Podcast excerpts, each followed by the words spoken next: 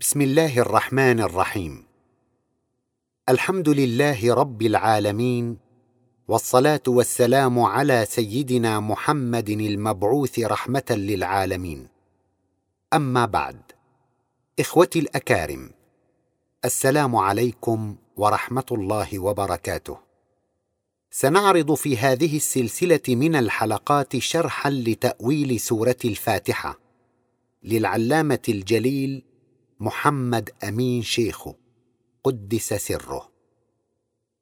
يقول سبحانه وتعالى أعوذ بالله من الشيطان الرجيم. بسم الله الرحمن الرحيم. الحمد لله رب العالمين. الرحمن الرحيم. مالك يوم الدين. إياك نعبد وإياك نستعين. اهدنا الصراط المستقيم. صراط الذين أنعمت عليهم. غير المغضوب عليهم ولا الضالين.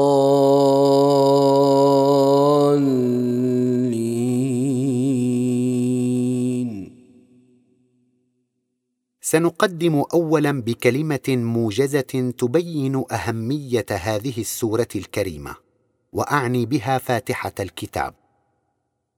جاء في الحديث الشريف عن رسول الله صلى الله عليه وسلم لا صلاة لمن لم يقرأ بفاتحة الكتاب.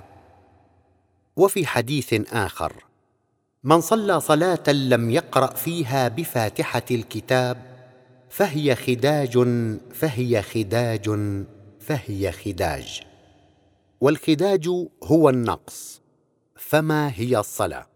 وما هو السر الأعظم الذي تنطوي عليه فاتحة الكتاب حتى تتوقف عليها الصلاة؟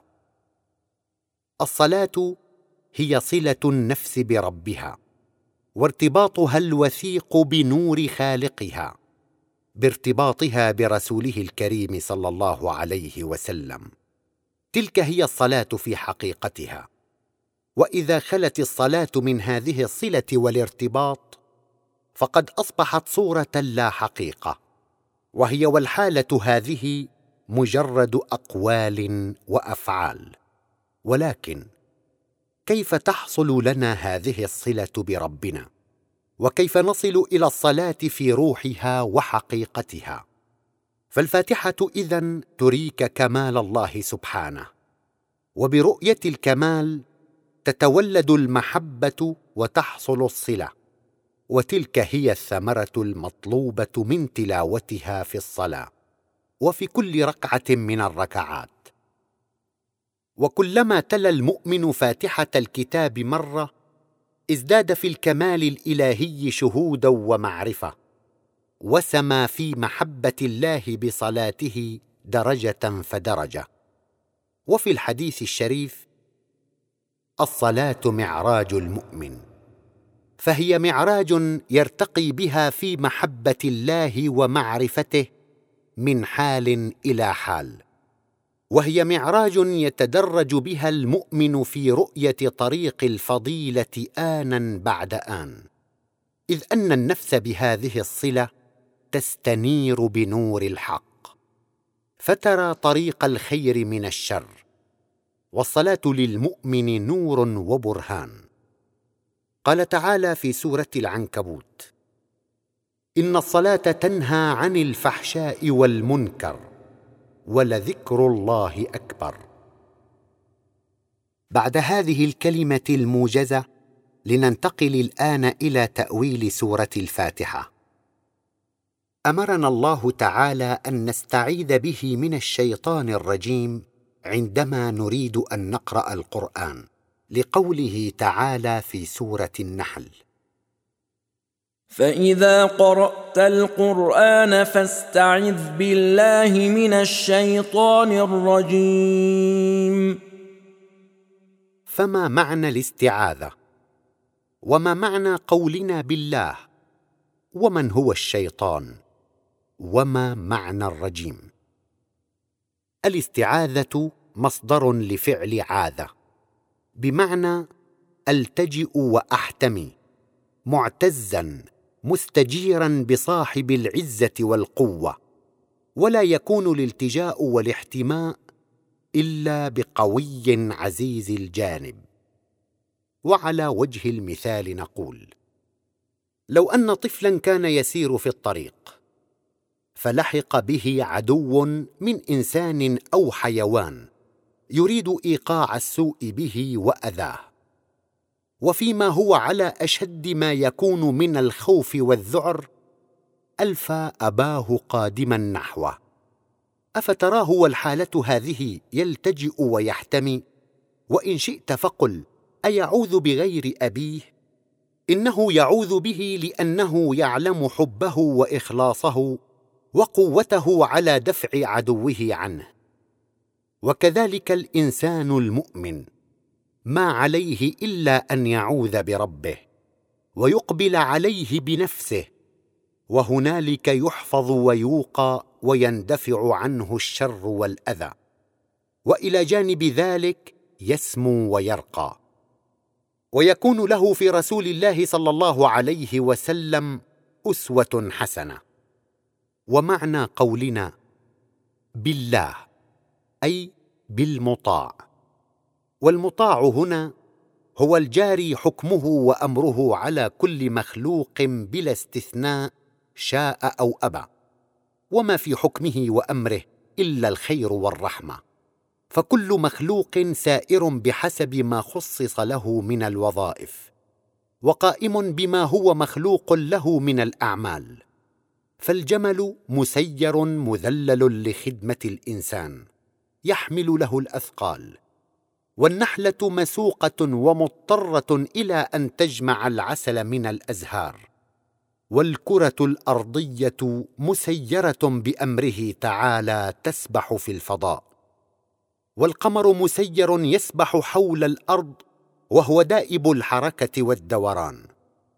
وما من دابة إلا هو تعالى آخذ بناصيتها يسيرها كيف يشاء.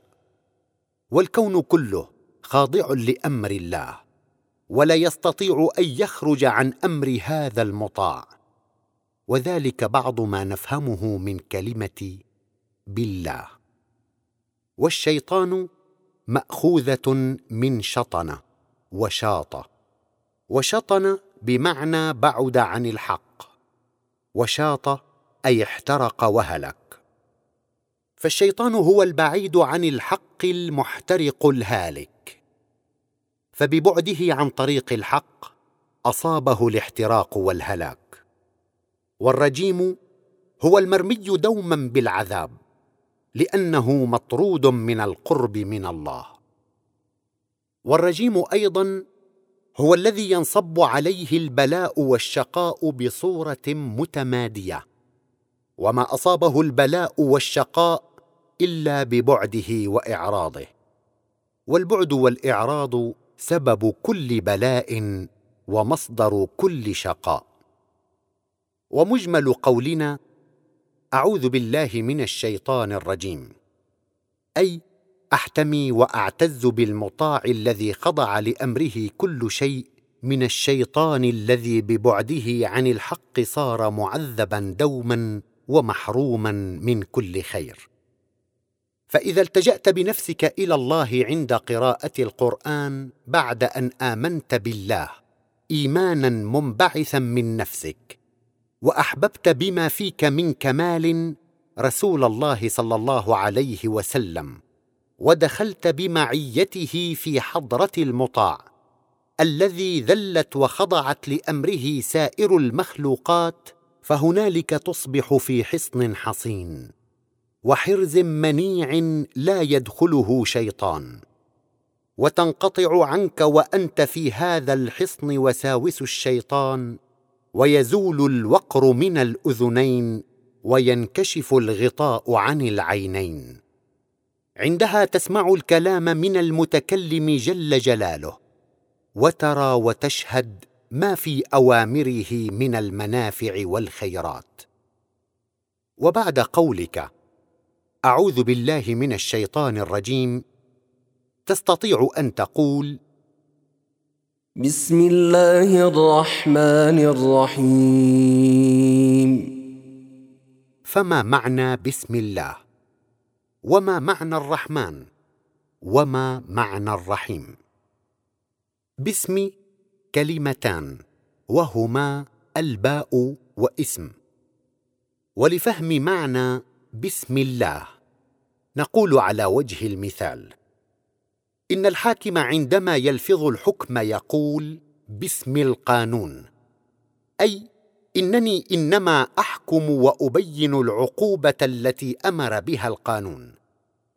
ويقول الرئيس باسم الأمة أتكلم أي إنني أبين ما أمرتني ببيانه وأبلغ ما ترغب به. فبناء على ما تقدم يكون معنى قولنا بسم الله أي إنني إنما أتلو على نفسي وعلى غيري كلام الله وإنما أبين أمر الإله وأبلغ كلام المطاع ولكن ما صفة هذا المطاع؟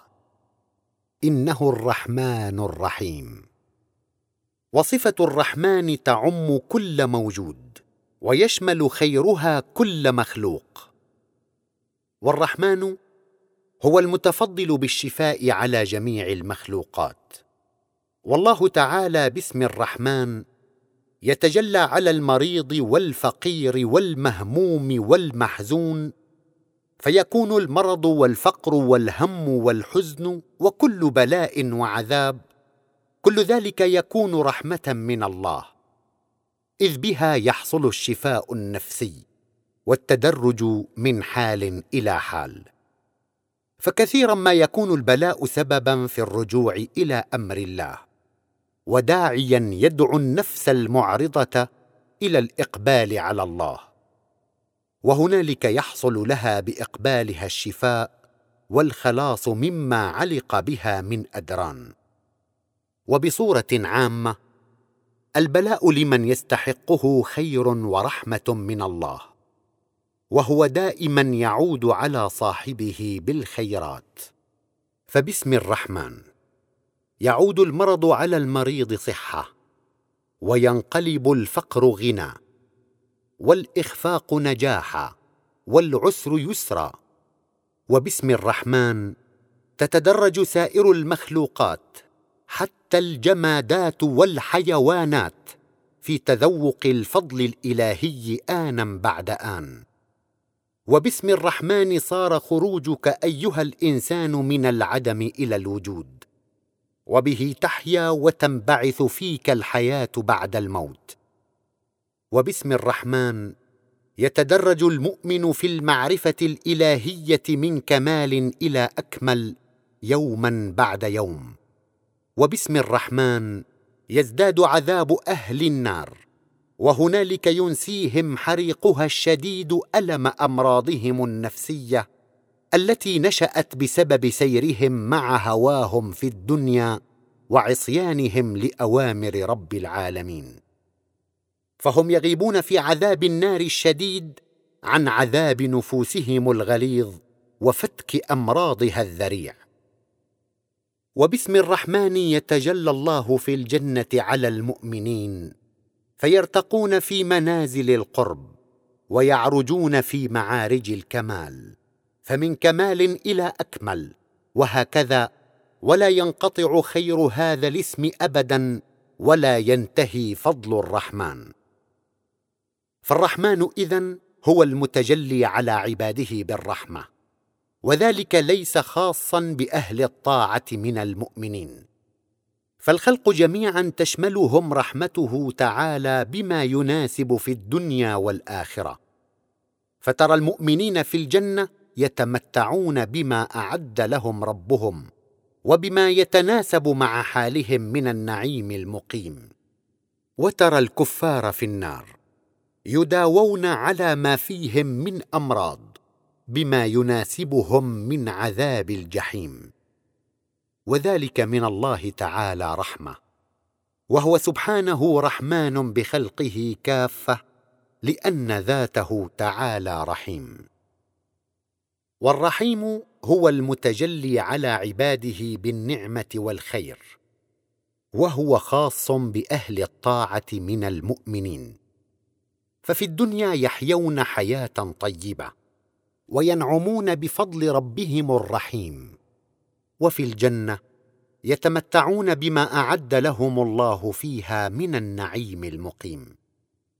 وهكذا فكلمة بسم الله الرحمن الرحيم إنما هي خطاب لك أيها المصلي من رسول الله صلى الله عليه وسلم يخاطبك بها معرفا ومبينا أنه إنما يتلو عليك ما يتلوه بسم الله وعن لسان الله وهو بيان لك من الله وينصت هذا المصلي لرسول الله صلى الله عليه وسلم ويصغي إليه وتتفتح مسامع نفسه لما سيتلوه عليه فإذا به صلى الله عليه وسلم يتلو كلام الله قائلا الحمد لله رب العالمين الرحمن الرحيم مالك يوم الدين. تصدق رسول الله صلى الله عليه وسلم فيما يقول ثم تقول إياك نعبد وإياك نستعين. بمعيتك يا رسول الله ندخل على الله مطيعين له. فتعاهد ربك وأنت بمعية رسوله الكريم على أن تكون عبدا مطيعا له وتطلب المعونة منه تعالى. عندها يقول رسول الله صلى الله عليه وسلم وأنت معه اهدنا الصراط المستقيم. صراط الذين أنعمت عليهم غير المغضوب عليهم ولا الضالين.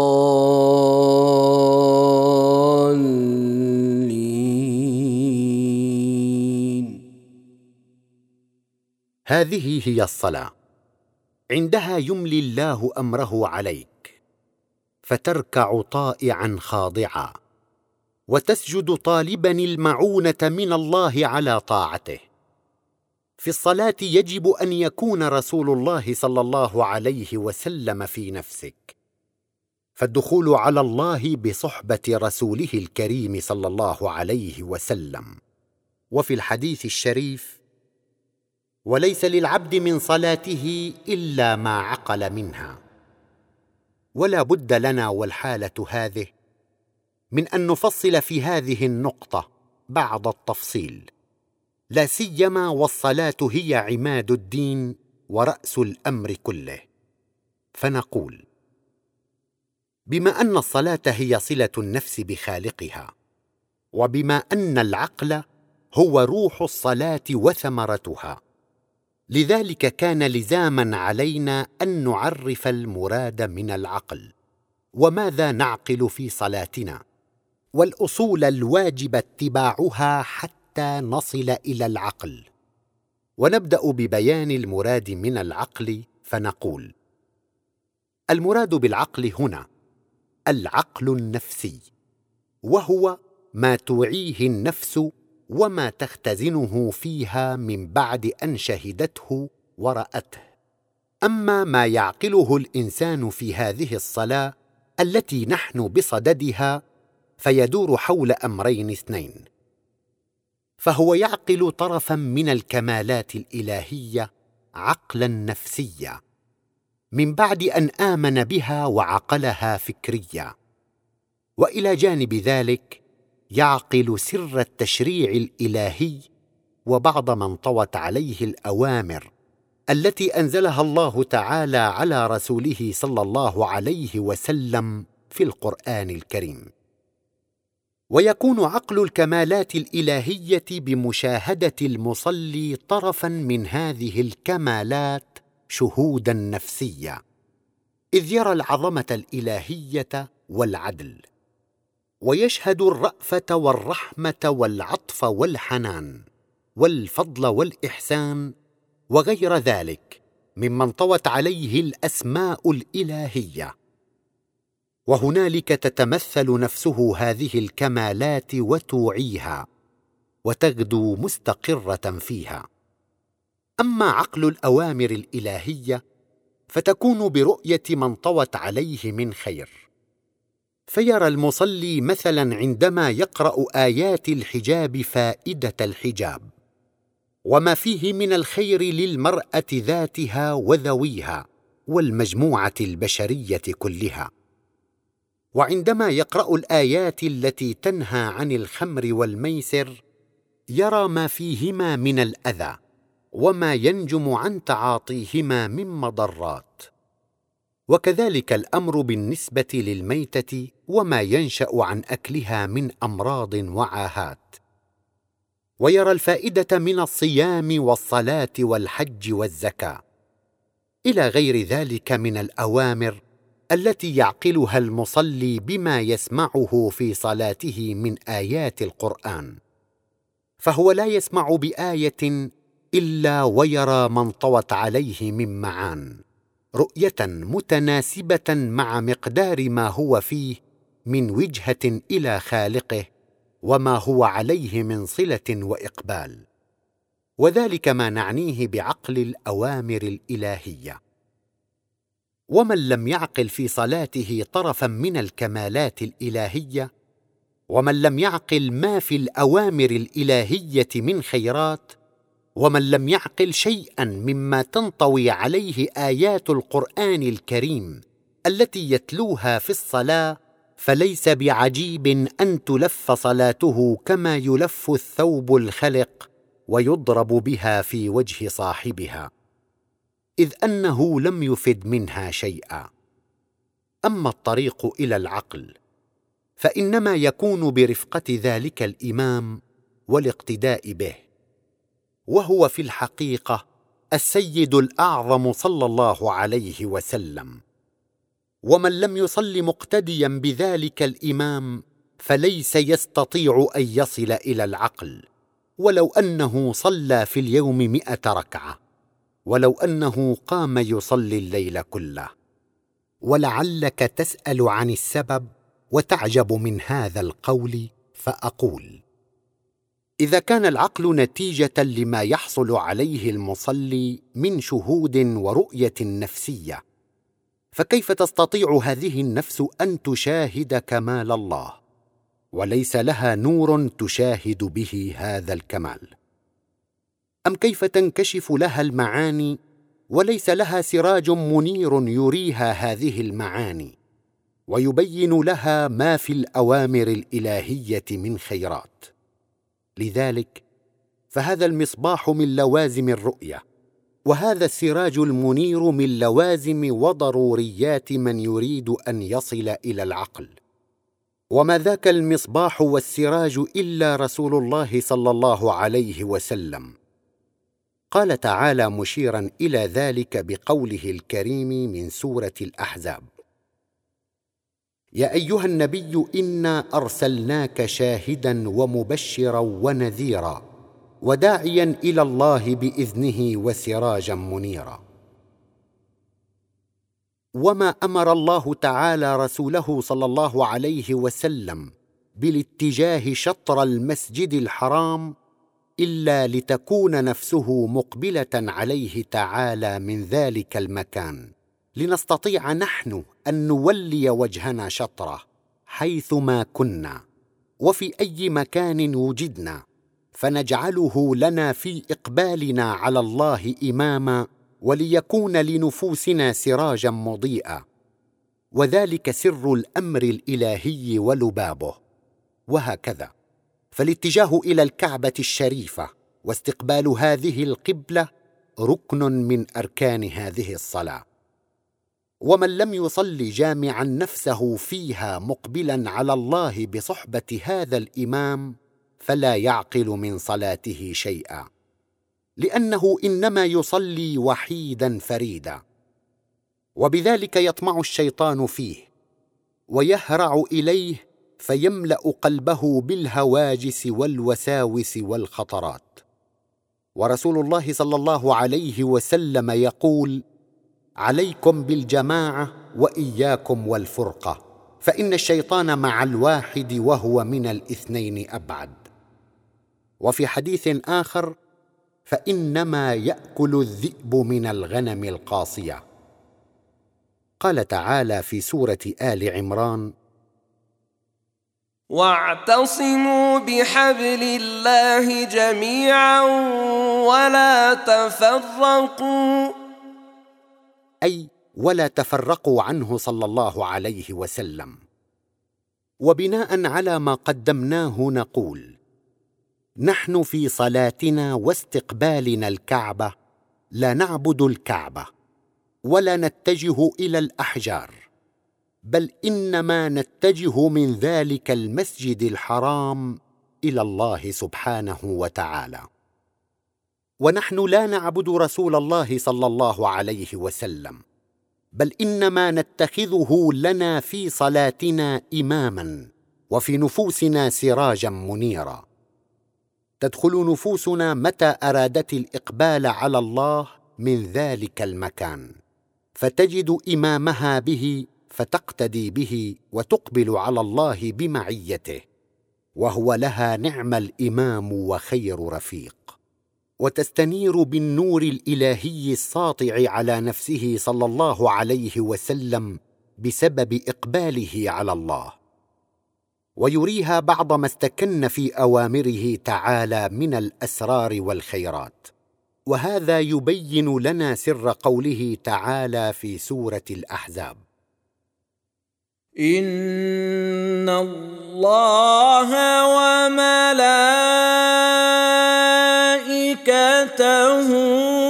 يصلون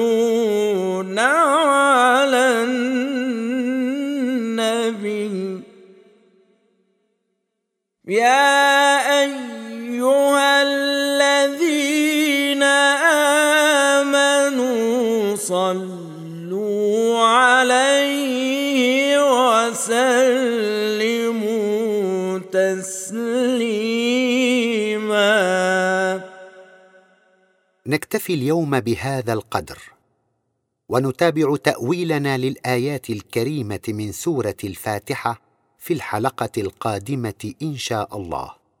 والسلام عليكم ورحمة الله تعالى وبركاته.